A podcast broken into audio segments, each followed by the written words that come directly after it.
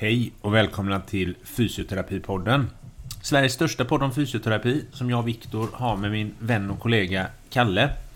Vad, innan vi kastar oss över dagens eh, superintressanta gäst tänkte jag kolla, vad, vad har hänt för dig sen sist Kalle? Jo, men det har hänt lite grejer här. Jag kör ju lite... Eh, inte bara fysio nu för tiden utan även lite det man kallar för revsamordning. Så jag håller lite sjukskrivningsärenden och så. Det är lärorikt. Så man läser lite om samtalsteknik och man ser lite nya slags patientfall och man kan använda mycket av sitt kliniska tänk även här. Är det här en helt ny yrkesbana eller är det något du testar på lite grann? Nej, det är nog tillfälligt men det är spännande att prova. 15 år efter 15 år i praxis. Så, ja. ja, alla erfarenheter är bra erfarenheter. Ja. Eh, sen har jag faktiskt varit med om, det var ganska länge sedan sist, men jag har varit med om en riktigt god sjukgymnasthistoria. Oj, oj, oj. Jag är mot all förmodan och allt jag trott på de senaste 10-12 åren börjat köra gym två, tre dagar i veckan. Mm. Eh, och det är inte det som var den stora grejen. Nej. För det inte Välkommen outat, till klubben. Det har inte outat i så fall. Nej. Men jag sitter där. Och så hade jag faktiskt på mig jobb, eh, vi har sån här träningströja på jobbet. Det står firmanamnet på. Ja. Så hade jag på mig den då när jag satt där och gymmade och så var det var jag en pension, pensionär till en äldre herre. Så, så jag ropade först Jobbar du här? Jag hörde inte riktigt vad han sa. Så jag tyckte han sa Jobbar du här? Jag bara, nej, jag jobbar inte på gymmet liksom. Det är något som är helt säkert. Så jag sa nej först. Men så tänkte jag, jag köttar lite vidare med den här gubben. För jag tycker gött att köta med folk ibland. Och han så sa jag, jaha, sa du, frågade om jag jobbade här? Så, så pekade på min tröja då, det stod firmanumret ja. Ja, det var det jag menade. Ja, jag tror så att jag menade att jag jobbade här på gymmet, sa mm. Nej, nej, att du jobbar där och på mm. det här. Har du någon vägassistans? Vi har vägassistans från er. Så det har du inte, sa jag. Eh, men um, vi har ju haft det förut i bolaget. Mm. Men nu har vi sålt av allt det gör det bara hälsotjänster. Oh, han. För övrigt, han stod och gjorde en 85-årig herre. Han, stod, han stod och gjorde utåtrotationer i en dragapparat på mm. gymmet. Hade rotatorkuffen i schack. Eh, sen gjorde jag the big mistake. Mm. Eh, som framförallt folk som kanske inte jobbat så länge, men jag har provat, på det ändå. Säg aldrig vad ni jobbar med. Nej, aldrig. För han frågade, vad gör du på det här, på det här företaget då? Ja, men jag är sjukgymnast, sa jag glad i hågen och mm. körde vidare. Det var det gympasset det. Sen kom en tsunami av krämpor över dig. Sen hade hans anamnes upptagen och klar. och han väntade i princip bara på att vi skulle starta en fysisk undersökning. Men eh, det, jag lyckades faktiskt av ändå rimligt rutinera nu så jag avstyrde fysisk undersökningen. Ja, Övningsförslag och så vidare. Det han berättade såklart vad han hade gjort innan. Ja, det där har ju hänt på fester, på bröllop, på alltså... Ja, men, och jag tänkte, jag har ändå jobbat med länge nu ändå lyckas jag slita ur mig. Liksom. Så nästa gång så är jag nog ja, administratör, tänker jag svara nästa gång. Det är ju ja. till viss del sant just nu också då. Men, ehm, så säg alla vad ni jobbar med. Hitta på något annat. Ekonomiassistent. Vad som helst. Vad som helst. Ja. Som inte har med sjukgymnastik att göra. Nej, nej det, det är dagens råd. Det är tips från coachen. Men du, idag har vi en gäst.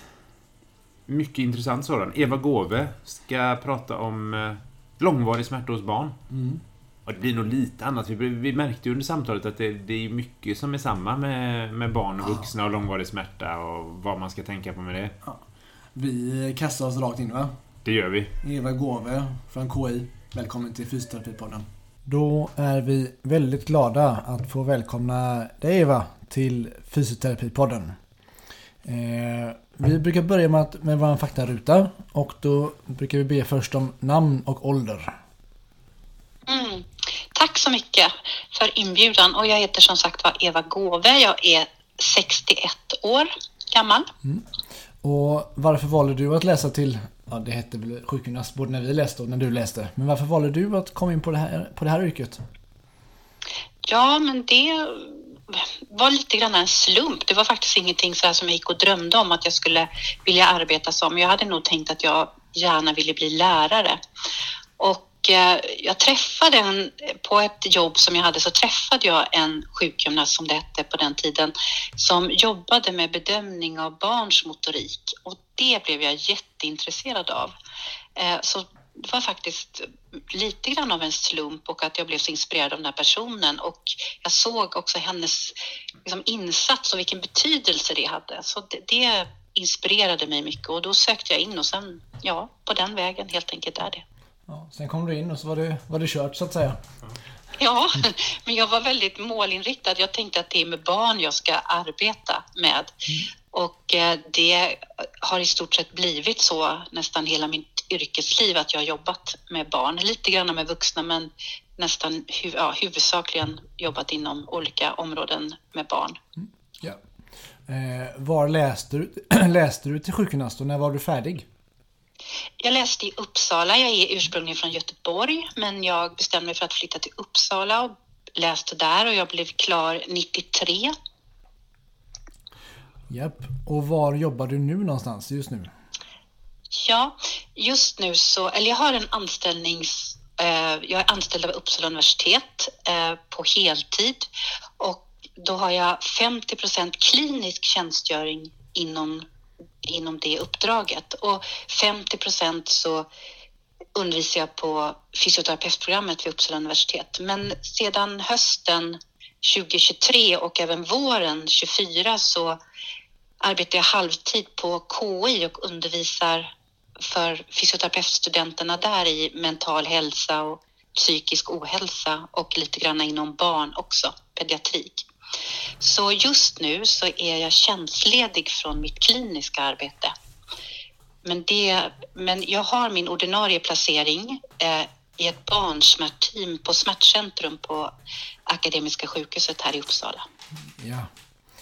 Sen brukar våra gäster få, eh, om de har någon, dela med sig av någon pins, pinsam eller dråplig.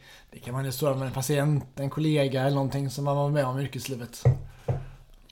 Ja, men säkerligen många dråpliga historier, men en som jag kommer på, det är för väldigt många år sedan, ganska tidigt i mitt yrkesliv, så skulle jag göra en motorisk bedömning på en ganska liten flicka, kan hon ha varit en fyra, fem år. Och i den där undersökningen så skulle man fråga barnet om det kunde namnet på olika kroppsdelar. Eh, och hon satt där i rummet med sin eh, mamma och pappa tror jag det var och jag tror till och med det var någon mormor och morfar med eller någonting. Eh, och jag pekade på olika kroppsdelar och hon skulle berätta vad det var kroppsdelen hette. Och när jag kom till mina ögonbryn så svarade hon väldigt glatt rynkor. eh, och till föräldrarna och alla andra som satt där väldigt stora glädje och många skratt. Och jag vet att jag för en liten stund kom av mig sådär. Jag var kanske så här 29, 30 någon, eller 30 någonting. Så det var inte så jättemånga av den sorten. Men i alla fall, det var ganska kul tyckte vi då. Eller i alla fall de som satt och lyssnade. Så det var en liten rolig historia som jag kommit ihåg under årens lopp. Ja, det... Vad säger man? Av, av barn och druckna får höra sanningen. Precis. De brukar vara uppriktiga åtminstone. Ja, verkligen. Ja, roliga. Mm. Min dotter kallade det inte rynkor utan hon sa när hon var liten att någon var skrynklig. Det var också ja, gav, gav många skratt. Det var nog ungefär samma sak. Ja, mm. ja men och som sagt, då, intressanta var så målmedveten från början att det blir så. Att det, det är det man tänker. Så jag tänker det är många många fysioterapeuter som tänker att de ska jobba med idrottsmedicin framförallt under utbildningen och sen, sen få tänka om. Men, eh, men du höll, höll linjen. Ja, ja, det känner jag igen väldigt väl eftersom jag är kursansvarig vid termin 1-studenter. Och då brukar jag fråga dem vad, vad, vad tänker du dig nu? Vad vill du arbeta med? Och då är det ju många naturligtvis som tänker att de vill jobba inom idrottsmedicin. Men sen är det ganska kul under utbildningen att det är inte helt ovanligt att man ändrar sig och hittar helt nya inriktningar och områden som många inte ens visste fanns. Det känner vi verkligen igen oss i. För jag tror att alla i vår klass ville det. Och jag och Viktor ville det. Men vi kom fram till ganska fort att det var ingenting för oss, något av det. Nej. Nej. idrottsmedicin. Nej. Och, och det är lite spännande med yrket tycker jag, att det rymmer så otroligt mycket verksamhetsområden som jag tror att många studenter när de kommer inte alls känner till att man kan arbeta inom. Så på det sättet så tror jag att de får upp ögonen för, för ganska mycket nya områden faktiskt. Verkligen. Och sånt man tänkte, jag vet, under utbildningen till liksom första så här, lungmedicin, det måste vara det tråkigaste som finns. Och så på liksom första praktiken så nuddade jag det lite. Men det här var jätteintressant. Det skulle vara roligt att jobba med. Och, ja. man, eh, man hittar saker Lite på vägen. så är det. När man får chans att så här, prova på något och fördjupa sig inom det så är det ju svårt att inte bli engagerad, måste jag säga. Precis. Och på tal om att fördjupa sig så tänker jag att vi har ju, vi har ju bjudit in dig för att prata om, om barn med långvarig smärta framförallt. Jag tänker hur, hur kom det sig att du började intressera dig för det och hur, hur har liksom din bakgrund fram till nu in, inom det här området sett ut? Ja, egentligen så var jag inte det minsta intresserad av barn med smärta. Jag hade inte ens ställt mig den frågan, vilket jag ju borde ha gjort, för jag jobbade ju ganska, ganska många år på habilitering, på barn och ungdomshabilitering och många av de barnen och de ungdomarna hade ju mycket smärta, men det var liksom inte en, ett fokus för mig och jag intresserade mig inte särskilt mycket för det då. Och sen jobbade jag mycket inom neuropsykiatri och då var smärta inte heller något som var något stort fokus.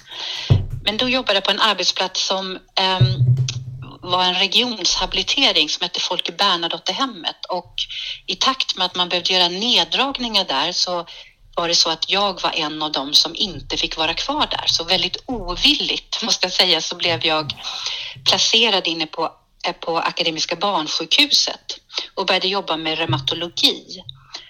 Och det tyckte jag var så intressant och så spännande och då hade jag inte sett, tror jag, knappt en inflammerad led i hela mitt liv innan dess. Men jag kom att jobba med i väldigt här, trevliga, bra personer, duktiga, kloka, kunniga människor som verkligen inkluderade mig i det området.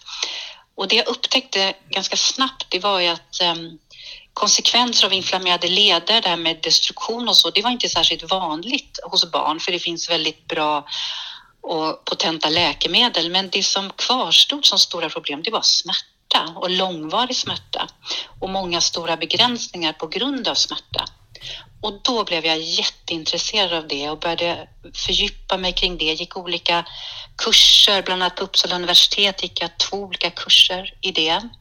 Högskolekurser eller universitetskurser. Och jag ja, kom att upptäcka att fysioterapi och smärta, det var en himla bra kombination och att man som fysioterapeut kan påverka väldigt mycket och bidra med väldigt mycket. Så att det var högst ovilligt inledningsvis men kom att bli verkligen mitt stora intresseområde. Så en, ja, kanske en liten slump det också. Ja men så är det väl ibland att livet är en, en, ett resultat av en, av en lång serie slumpmässiga ja, händelser helt enkelt.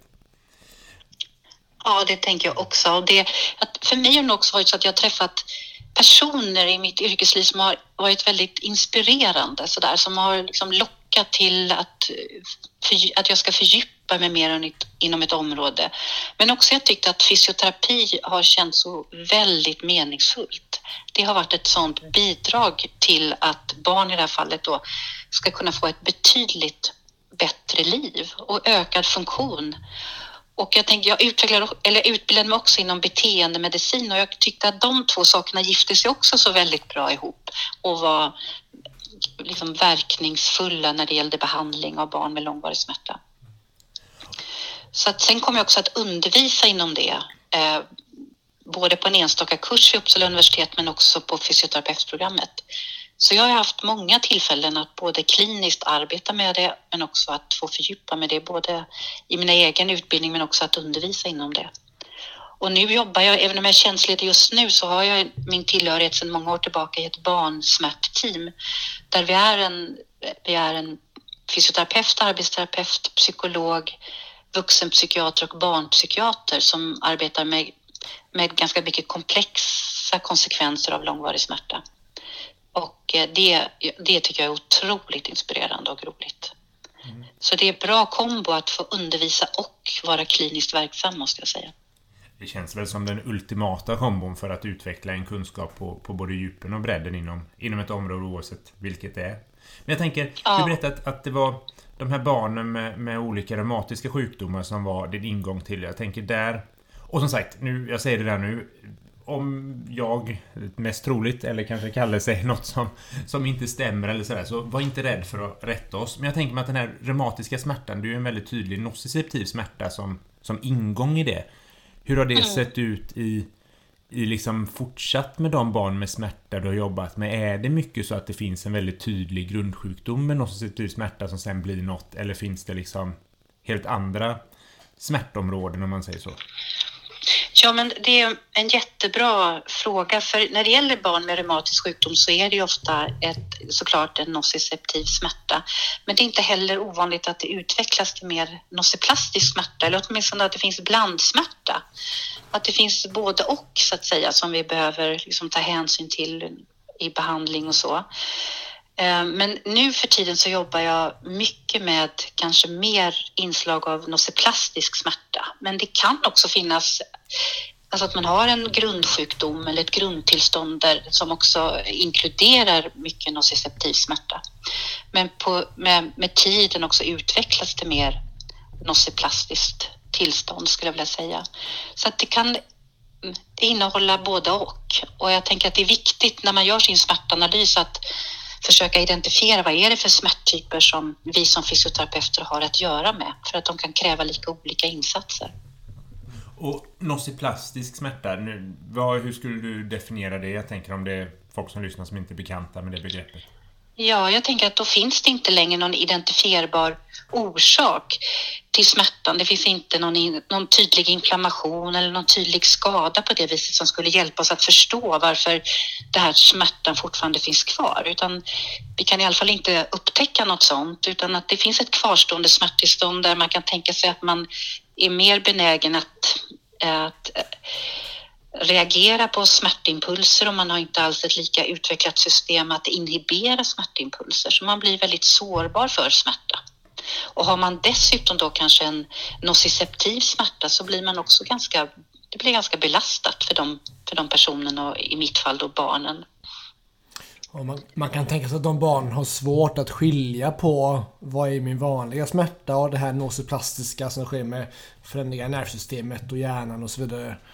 Och jag är även nyfiken på för att hur man kan nämnde att man kan anpassa det i behandlingen. Men på vilket sätt? Jag var nyfiken hur man, hur man anpassar sig i behandlingen. Du har en reumatisk patient som även har nociplastisk smärta. Kan du ge något exempel på hur man skulle anpassa det, en behandling då? Jag tänker om det är en nociceptiv smärta så kan den ju kräva kanske, om vi tänker på ett barn med reumatisk sjukdom, att den kanske kräver en farmakologisk insats för att minska den smärtan eller för att helt enkelt plocka bort den smärtan. För att det kanske är ett, ett skov som har satt igång eller så. Mm. Eh, och då kräver ju det sin alldeles särskilda liksom, behandlingsinsats om vi tänker reumatisk sjukdom. Ja. Och om vi pratar om mer nociplastiskt så finns det ju nästan aldrig eller väldigt sällan något fantastiskt bra läkemedel som, som minskar den smärtan utan där är det ju andra andra åtgärder, andra insatser som behövs för att liksom, arbeta med konsekvenserna av den smärtan. Och en följdfråga då, vad gör ni då? ja, du tänker på den nociplastiska ja, precis. smärtan. Ja, det är en väldigt bra fråga och eh, det vi jobbar med som fysioterapeuter, det, det är ju också att titta på smärta ur ett biopsykosocialt perspektiv. Att, att ha smärta påverkar ju så många funktioner hos oss och det påverkar också och väldigt mycket hos barn så påverkar det föräldrarna och det påverkar hur man kan vara med sina kamrater och vara i skolan och göra det man tycker om och, så. Så det blir, det blir väldigt många som blir berörda av ett barn som, som har långvarig smärta, verkligen. Så att när man jobbar med barn så måste man ju på något sätt inkludera hela det sammanhang som barnet befinner sig i, det vill säga också väldigt mycket vårdnadshavare, föräldrar. Så. Och sen jobbar vi ju mycket med att identifiera om det finns mycket oro och rädsla för att använda kroppen för att, för att röra på sig. Och då brukar vi använda oss av graderad aktivering, det vill säga att ett strukturerat och, och långsamt successivt öka på aktivitetsnivån och successivt kunna öka funktionen eller att utsätta sig för någonting, exempelvis att nudda en kroppsdel, att belasta en kroppsdel. Så, så där jobbar, när jag arbetar kliniskt, då arbetar jag ofta med vår psykolog och då kan det vara så att vi gör en hierarki över det som barnet tycker är absolut mest utmanande och det barnet tycker är liksom mer hanterbart och det är något som det närmar sig att klara av. Och så jobbar vi enligt den listan väldigt strukturerat med att försöka erövra de här utmaningarna och svårigheterna successivt så, tills man återfår en, en bättre funktion. Så. Och eftersom det ju väcker mycket obehag och rädsla och oro så är det ju fantastiskt förmånligt att få göra det tillsammans med en, i mitt fall då en psykolog. Mm. Och det jag tänker att det är oundvikligt i sådana situationer att när man ska utmana det där och jag brukar kalla det jag håller på med mycket för mekanisk KBT. Man, gör, mm. utsätter patienterna lite grann för det som de tycker är jobbigt. Hur, hur mycket ja. symptom och hur, hur väljer ni att ni hur hårt ni belast, gör en belastning eller en rörelse eller vad det nu kan vara. Hur mycket symptom är okej okay för barnen? Att få? Oh, ja, ja, det är en jättebra fråga. Dels så behöver man ju vara trygg som fysioterapeut att man vet vad det är, vad är det för smärta jag har att göra med. Kan jag känna mig trygg i att det jag kommer inte att förvärra någonting, det kommer inte att eh, påverka någon, någon annan process på något sätt, så är det en väldigt trygg och bra plattform att ha så att jag vet vad det är för smärta smärta eller för tillstånd jag ska arbeta med. Men jag tänker att det ofta måste vara en överenskommelse med barnet eller med den unga. Vad är okej för dem? Vad är rimligt för dem? Eh, så att det sker liksom hela tiden i deras takt. Mm. Eh, och men jag tycker också att väldigt mycket av inslag för oss fysioterapeuter det är ju att jobba med utbildning eller undervisning eller ibland kallas det för psykoedukation. Det vill säga att berätta allt det vi kan om smärta och hur det påverkar oss som människor för att göra den liksom, kunskapen också tillgänglig för barnet och för föräldrarna inte minst skulle jag vilja säga. För då blir inte heller smärta lika hotfullt och lika skrämmande när den uppstår och så. Men jag skulle säga att det handlar mycket om att ha en överenskommelse. Vad är okej? Vad är hanterbart för dig? Hur, mm. pass, hur, hur får det kännas? Eh, och det är ju väldigt svårt för mig som behandlare att veta, så där måste vi ha ett samarbete hela tiden. Mm. Mm vad som är okej och inte vad som inte är okej. Men jag tror också att det handlar mycket om att förklara, att begripliggöra eh, vad smärta är för någonting och hur kroppen kan liksom handskas med långvarig smärta och på vilka konsekvenser det kan ge och så och lite grann normalisera det, eller inte bara lite utan ganska mycket normalisera det. För det är många som kan känna att de tror att de är väldigt annorlunda eller att det är något alldeles speciellt avvikande med just dem. Och, så. och där tror jag vi fysioterapeuter kan bidra så mycket eftersom vi har så mycket kunskap kring kroppen men också kring, kring beteenden och så och funktion och så att vi är så, har så väldigt mycket kunskap kring det. Så jag tänker att vi är en alldeles särskilt lämpad yrkesgrupp för att, eh, för att hjälpa till, särskilt med barn och i mitt fall då, och även deras föräldrar för att göra det här begripligt och förståbart. Mm. Och, och, jag tänker som du säger att den här alltså smärtan kan ge upphov till mycket oro och ångest. Men om man tänker ångest och smärta är ju väldigt tätt sammankopplade. Men, men hur tänker mm. du här? Finns det någon... Så jag tänker, vad är hönan och ägget? För det kan väl också vara så att är man ångestfylld eller tenderar att ha mycket ångest, har man då, är man då också mer, tenderar man då också mer att få mycket smärta. Är du med liksom ångest, smärta, höna, ägg? Vad, vad tänker du kring det?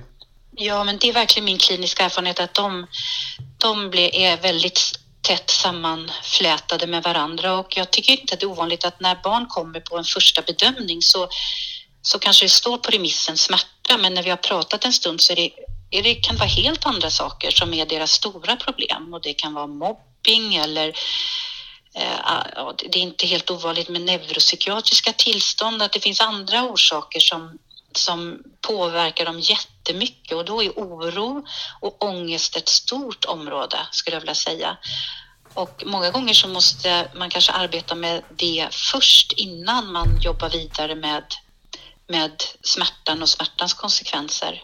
Så jag tänker att de förstärker varandra väldigt, väldigt mycket. Och det vet vi också rent kunskapsmässigt så vet vi att de där två påverkar varandra starkt och påverkar också funktion väldigt mycket. Att vi undviker göra väldigt mycket saker för att Eh, vi får så mycket rädslor och så mycket oro. Att vi ska skada oss eller göra oss mer illa eller att det ska bli drastiska konsekvenser på sikt och så. Har man sett någon jag tänker av de här barnen som, som har långvarig smärta eller som får det att vad Finns det liksom någon tydlig gemensam nämnare som du säger? Det är klart, är man, är man utsatt för mobbing i skolan kan man ju förstå. Det är ju lätt att tänka sig att det är, skulle vara det. Men, men du nämnde neuropsykiatriska diagnoser. Finns det liksom andra, andra, ja, vad ska man säga, karaktärsdrag eller andra egenskaper hos de här barnen som gör dem mer sårbara för att få långvarig smärta? Alltså jag skulle säga att det är en nu pratar jag bara från min kliniska erfarenhet, att jag tycker att det är en enorm spridning. Eh, del, jag ska säga att det, det är vanligt, mycket vanligt att det finns neuropsykiatriska Eh, tillstånd med och ibland är de identifierade och diagnostiserade och behandlade och ibland är de det inte alls och det kanske är då att det är någonting som man behöver göra. Och ibland så är det barn som har råkat ut för en, ja, en stukning eller något annat som kan te sig relativt harmlöst och det är barn som har fungerat alldeles utmärkt i skolan och med kompisar. Men så sätter det där smärttillståndet igång och så är det svårt att ta sig ur det. Och då kanske man inte har några andra belastande faktorer i sitt liv, men ändå så kan det trassla och vara mödosamt att ta sig tillbaka. Så att, ja, det, jag skulle säga att det en, kan vara en väldigt stor spridning kring de barn som, som i alla fall vi träffar i vårt team. Om, om jag ställer exakt samma fråga fast gällande föräldrarna. Ser du något mönster mm. där kring, kring ja, föräldrarnas egenskaper eller deras sätt att hantera sitt barns situation eller så? Att du, något mönster där som är vanligare bland de föräldrarna till de barnen du träffar? Ja, alltså det, det händer. Det är väl inte helt ovanligt att, att vi träffar föräldrar som har egen, haft egna problem eller har egna problem med smärta och särskilt den långvariga smärtan. Eh, så att de känner igen sig väldigt mycket hos sina barn. Och ibland kan ju det vara en väldigt tillgång och ibland kan det också bli ett hinder skulle jag vilja säga. Eh, för att man är så, också så präglad av sina egna erfarenheter och tänker att det ska gå, bli lika besvärligt kanske för barnet och också då liksom agerar på olika sätt utifrån att man har den tanken. Eh, men det kan också vara föräldrar som är också väldigt, väldigt rädda och ängsliga och oroliga och ibland är inte vården alltid så duktiga på att möta det utan man eh, utreder ganska snabbt vad man tänker att det här kan vara och sen så tänker man att man får skicka hem barnen för att det ska eh, rätta till sig på egen hand och så gör inte det. Och så är det inte ovanligt att föräldrar söker vård igen och inte heller blir liksom riktigt lyssnade till eller man har inte hört deras oro och rädsla. Så att jag tänker att det är som en kombination av många faktorer skulle jag säga. Det är nog inte ovanligt att föräldrar beskriver att de har fått vandra runt i vårdapparaten innan de tycker att de kommer till någon som ja, kan lyssna ordentligt och ta deras oro och besvär på allvar och så. Så att som fysioterapeut med barn så behöver man också ja, dels såklart vända sig till barnet, det är primärt, men man behöver också kanske lite grann lyssna till hur mycket oro och rädsla och så det finns hos föräldrarna. För att kunna också vända sig till dem, för de har ju så, naturligtvis så stor påverkan på sitt barn. Så. Eh, det är väldigt intressant att höra kring att föräldrarna är viktiga och såklart det visste vi innan men under tiden som du har jobbat med det här ganska länge har du märkt att det här har ändrats? Skillnader i inställning bland barnen och föräldrarna och så vidare med den här patientgruppen över tid? Nej, inte under de åren som jag har jobbat så har jag inte märkt att det är någon skillnad. Jag tycker att det är, att det är väldigt lika.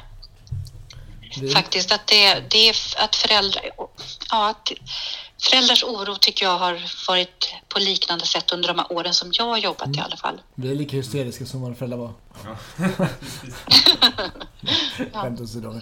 Men det eh, jag funderar här, jag blir nyfiken på den här eh, barnet du beskrev, hypotetiskt i och för sig, men som har stukat en fot och det, har, det finns inga egentligen psykosociala riskfaktorer för kronicitet och så vidare. Men ändå så är det någonting som går snett. Mm. Det hade triggat mig väldigt mycket att lista ut vad det är. Varför det här barnets stukade fot inte läker. Nej, alltså jag ska säga att det kanske finns någon, någon slags sårbarhet ändå ja. hos de här barnen, men inte, inte så att det är sån väldigt tydlig Nej, faktor. Men, ja, men jag, de situationer jag varit i med många, alltså många gånger under mitt yrkesliv att det är barn som stukar sig eller skadar foten eller tån eller någonting sånt där. Och man kommer till akuten och man blir röntgad och så konstaterar man att nej men det är ingen fraktur, det är inget som är skadat eller av. Men det är såklart, ja det är svullet och det gör ont och så. Och så säger man att eh, gå hem och vila tills det går över. Eller kanske mm. man skickar med ett par kryckor. Ja. och sen tycker man inte att det går över. Eh, och vågar inte belasta foten och så utvecklas det mer till eh, ja, att beröring gör ont och man vågar inte nudda och man vågar absolut inte belasta och så. Mm. Och jag, visst kan det finnas en viss sårbarhet, men jag tycker att jag också träffar många som, som har varit barn som har fungerat alldeles utmärkt och de har skadat sig ibland men repat sig och sådär. Men ibland blir det så här ja, komplicerat och det är lite mer mödosamt att ta sig tillbaka. Ja. Det är intressant här. Det, blir mer, att det hamnar mer ett undvikande beteende och, eh, och rörelserädsla och så vidare. Verkligen. Mm. Väldigt mycket av det och att man tänker att man gör klokt i att inte belasta. Att man mm. gör klokt i att inte liksom, utsätta foten för någonting. Och sen eftersom man vill få belöning på det, att det verkar ju ändå vara hållbart sätt liksom att, att fungera på, så fortsätter man och många gånger utvecklas ju de där beteendena till att bli ännu mer undvikande. Och det är ju inte så lätt att vara förälder i det och veta hur, vad gör jag som klokast nu? Och det kanske är klokast att inte belasta, att inte röra foten och att låta bli, för det verkar ju ändå inte bli värre och så. Och sen är de där cirklarna igång. Och, och rådet de får där, gå hem och vila tills det går över, det är ju inte hjälpsamt. Särskilt ofta. Nej, för vissa kan det fungera alldeles utmärkt mm. och för vissa så blir det ett, inte ett särskilt hjälpsamt råd. Framförallt om det inte har en tidsaspekt, om det inte har en tidsaspekt på det. Gå hem och vila i två dagar, till exempel. Ja, och börja försiktigt sätta ner foten igen och stödja på foten igen. Det kommer att göra ont i början, det kan vara besvärligt och så, men det, det är viktigt att foten får röra sig och belasta och så. Det kan också vara ett råd som kan vara till hjälp. Så, för man kanske tänker från akuten att det, det löser sig. Det kommer bli bättre och sen kommer man att gå, vilket det är för de allra flesta. Men, men det är inte så för alla. Nej.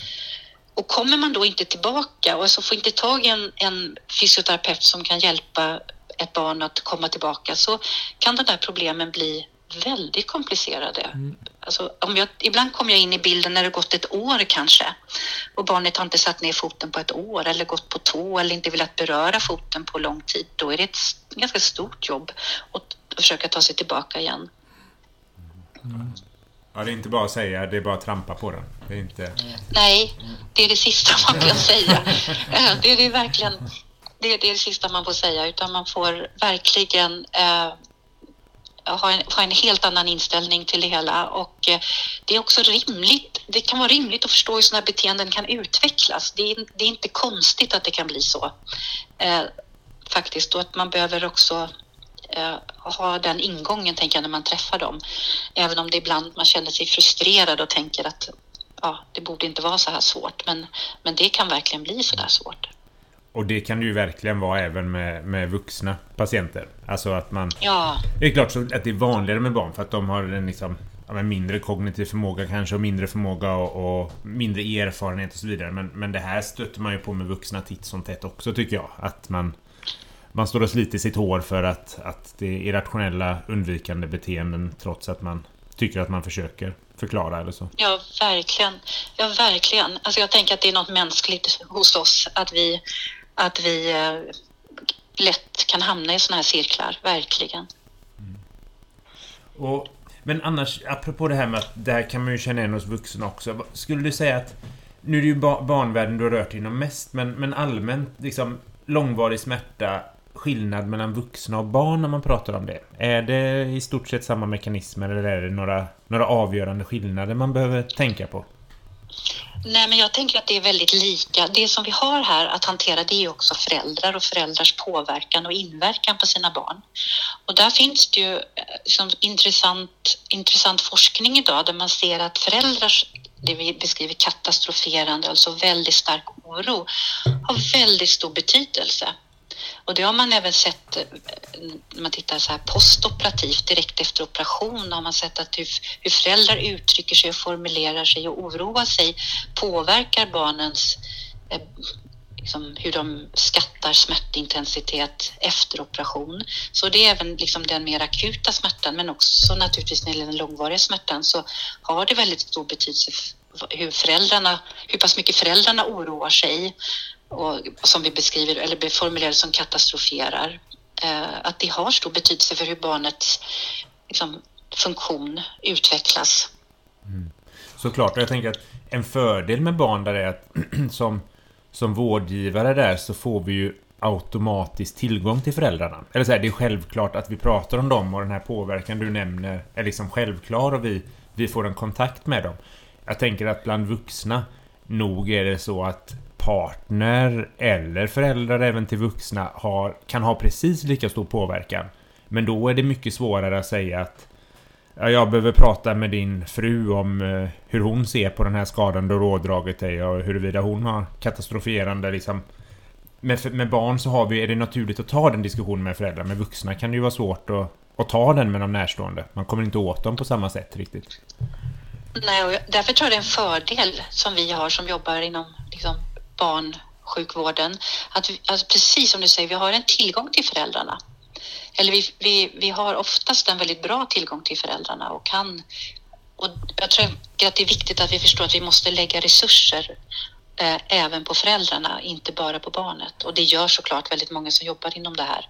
Men där har vi en klar fördel gentemot hur det är att jobba med vuxna naturligtvis. Det är väldigt spännande för jag, jag själv hade en, eh, har en väldigt kort och väldigt misslyckad karriär med barn. Jag tror jag räknat till fem patienter, barn, barnpatienter totalt.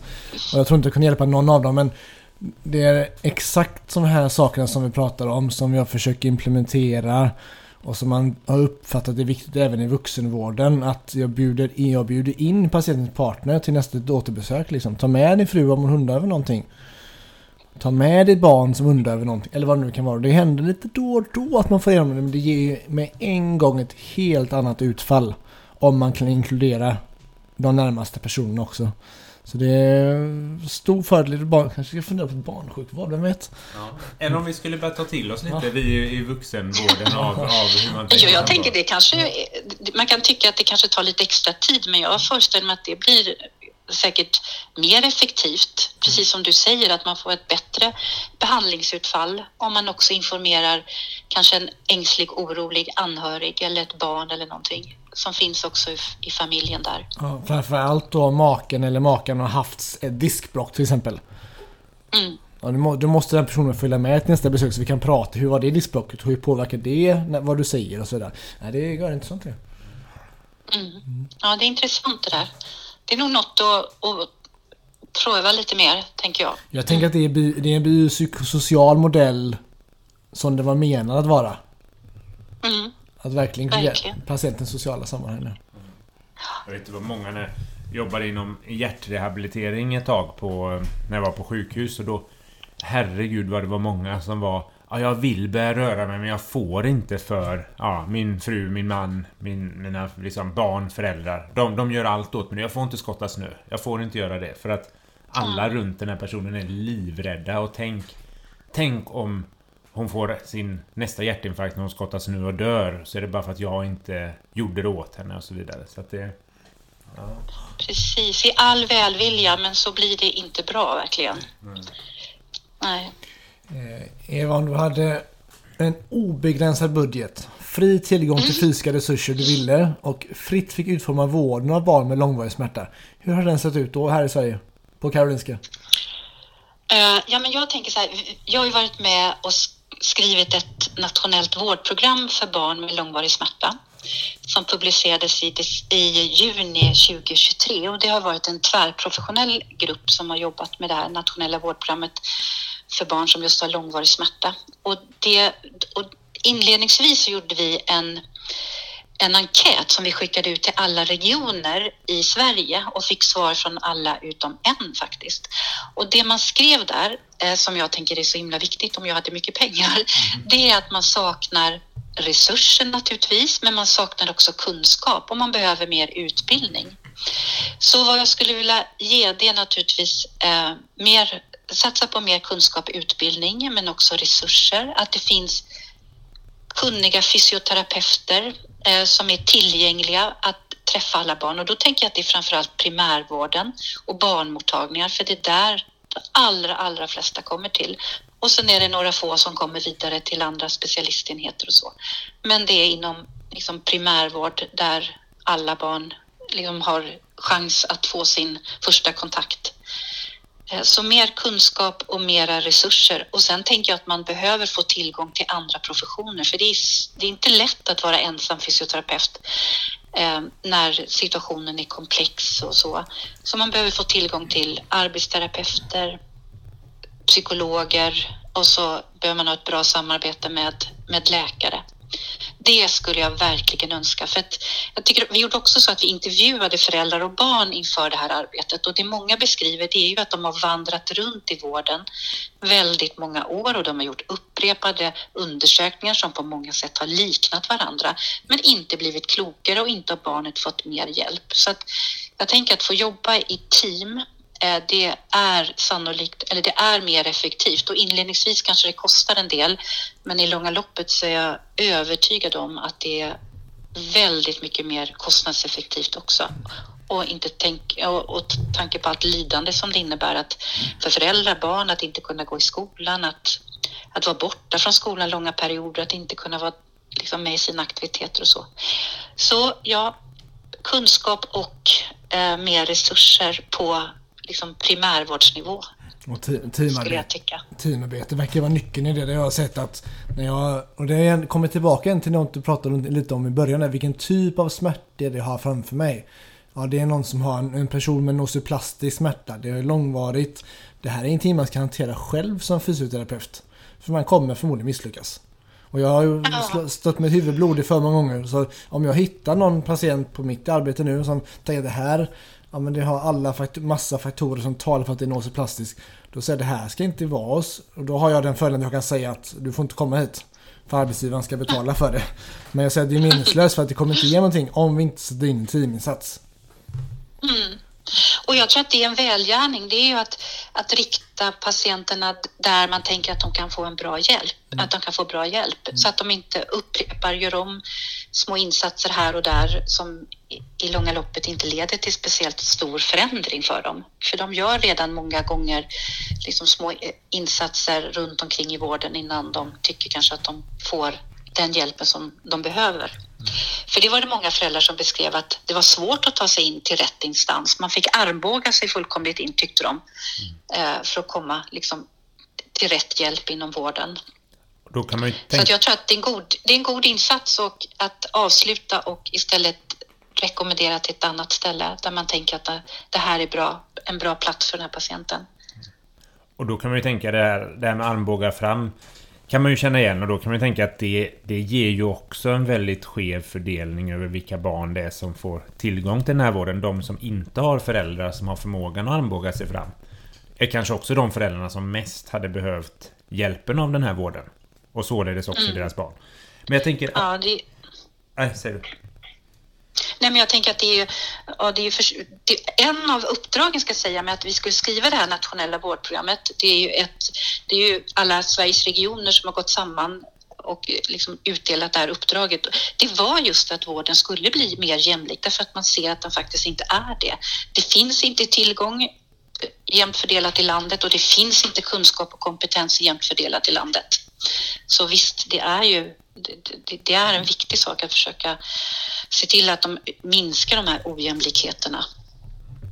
Och jag tänker det apropå kunskap som du trycker på, som du var inne på i början. Att, att ha kunskapen och veta att det här är den här typen av smärta. Därför kan jag våga pressa på lite med den här behandlingen. Jag är inte rädd att göra något värre och så vidare. Jag, det är något, jag tycker det har blivit lite av en käpphäst för mig att vi Oavsett vilket område man är i vi måste skaffa oss kunskapen, inte bara för att kunskapen i sig kommer göra att vi kan ge bättre behandlingar, utan för att kunskapen kommer göra att vi vågar ge den bästa behandlingen. Vi kanske redan vet mm. den, men vi behöver mer kunskap bara för att våga ge den. Att jag kan uppleva att vi som fysioterapeuter, som yrkeskår i stort, är ibland lite för fega. Eller vården i stort, inte bara fysioterapeuter. Lite för fega. Vi vågar inte säga det här har vi testat så mycket det går, det hjälper inte, vi måste göra något annat. Eller utan liksom, nej det har inte hjälpt men det, det kanske går bättre med den här medicinen eller kanske går med den här behandlingen. Vilket gör att vi låter patienterna fortsätta göra undersökning efter undersökning efter behandling efter behandling istället för att sist säga nej, det finns ingen nociceptiv till den här smärtan. Det finns ingen av den typen av behandlingar som kommer hjälpa dig. Det som kommer kunna hjälpa dig är det här. Men om vi inte säger det så ger vi inte heller patienterna själva chansen att våga få hjälp. För att de tror nej. att det är något annat. Och vi vågar inte säga till dem nej, det är det inte. Utan vi låter dem fortsätta. Att där är verkligen kunskap en nyckel. Kunskap och mod, tänker jag att vi behöver där. Och det hänger ju väldigt ja. tätt ihop. Ja, men jag tänker att det är väldigt viktigt det du säger, att, att våga avsluta, att våga säga att det här är inte en framkomlig väg. Det är, det är väldigt professionellt, tänker jag, att kunna göra det. Och lika mycket är det naturligtvis professionellt att säga, ja, men det här har jag, det här vet jag, det här, är, det här har jag kunskap kring, det här finns det stöd för, de här typen av insatserna eh, finns det absolut anledning att gå vidare med. Ja, verkligen. Och där som sagt, att sålla, sålla bland det och våga göra det, ja, det kräver yrkesskicklighet och ett stort mod. Hörde diagnostik, diagnostik, diagnostik igen. Ja, på tal om käpphästar här. Ja. Och så är det bra med kollegor, måste jag säga. Andra kloka människor runt sig, det är väldigt viktigt och bra. Ja, det där har jag funderat på mycket för att vi är oftast, om för många andra yrken inom olika typer av företag och verksamheter, så är det vi nog bland de ensammaste. Mm. Faktiskt. Ja, beroende på vart man jobbar ja. så är det lätt hänt. Ja. Man står ofta, ofta eh, själv med patienten. Ja. Och så här, vad, vad, ja, jag har ju den stora förmånen att få ha kollegor. Ja. Det, är, det är guld värt. Och kanske bara även då, om man har några kollegor, kanske det är fysioterapeutkollegor. Så man får mm. aldrig på en primärvårdsmottagning, man träffar ingen psykolog, man har ingen läkare. Man kan skicka en skrift till läkare men det är inget som man bara kan knacka på och så vidare. Och det gör så att man blir hämmad många gånger i sin diagnostik. Och insats såklart. Mm. Så mer samarbete med kollegor. Ja, för jag tänker när, när frågorna är komplexa, när behoven är komplexa så räcker det ju sällan med en yrkeskategori som kan liksom motsvara de behoven. Så då behöver man ju samarbeta med andra yrkesgrupper för att insatserna ska bli liksom effektiva och hjälpsamma. Men jag förstår, jag, inte, jag har ingen vana vid att arbeta i primärvården så jag är inte så bra, borde inte uttala mig så mycket men jag tänker på lite vad ni säger och vad jag hör från annat håll det är att man inte har utvecklat så kanske lika mycket interprofessionellt teamarbete. Så. Nej, här i regionen här så är det mest en ekonomisk fråga här i, Västsverige. I Västsverige. Mm. Att det finns, inga, det finns, inga, finns inga pengar att ha teamarbete tyvärr. Eh, Nej. Men det ser olika ut på olika ställen i landet. Ja, så är det nog på många ställen verkligen. Vi får hoppas att du en gång, Eva, får den där obegränsade budgeten och fri tillgång till fysiska resurser. För det låter som en, en, en toppenplan. Så jag tänker att med med de orden och den planen så tackar vi dig så jättemycket för att du vill vara med i Fysioterapipodden Eva. Det var, var väldigt lärorikt. Jag kommer gå och fundera på många av sakerna vi pratar om idag här kommande tid. Och, mm. ja, jag kommer, tror det kommer hjälpa mig och eh, även våra lyssnare här i vårt eh, dagliga arbete. Japp. Mm, tack så jättemycket. Det var fina ord. Mm. Det var roligt att höra. Stort tack Eva. Ha en, fortsatt, mm. ha en fortsatt trevlig kväll. Tack själva. Mm, hejdå. Hej. Hej. Hej. Sådär ja. Det var hela avsnittet med Eva Gåve. Har, eh, tänker att det är mycket att, att fundera på att ta med sig. Vad, har du några avslutande ord, Kalle? Om det nu är biopsykosocial modell vi ska använda, så använd den på riktigt. Yes. Och följ oss i sociala medier. Och eh, skicka in tips om... Eva var ju faktiskt eh, gäst via ett tips från en av er lyssnare. Så att, eh, fortsätt att skicka in det så sållar vi ut det det vi tror kan bli riktigt bra. Och vi är fortfarande Sveriges absolut bästa podd om fysioterapipodden. Skål! Skål så länge.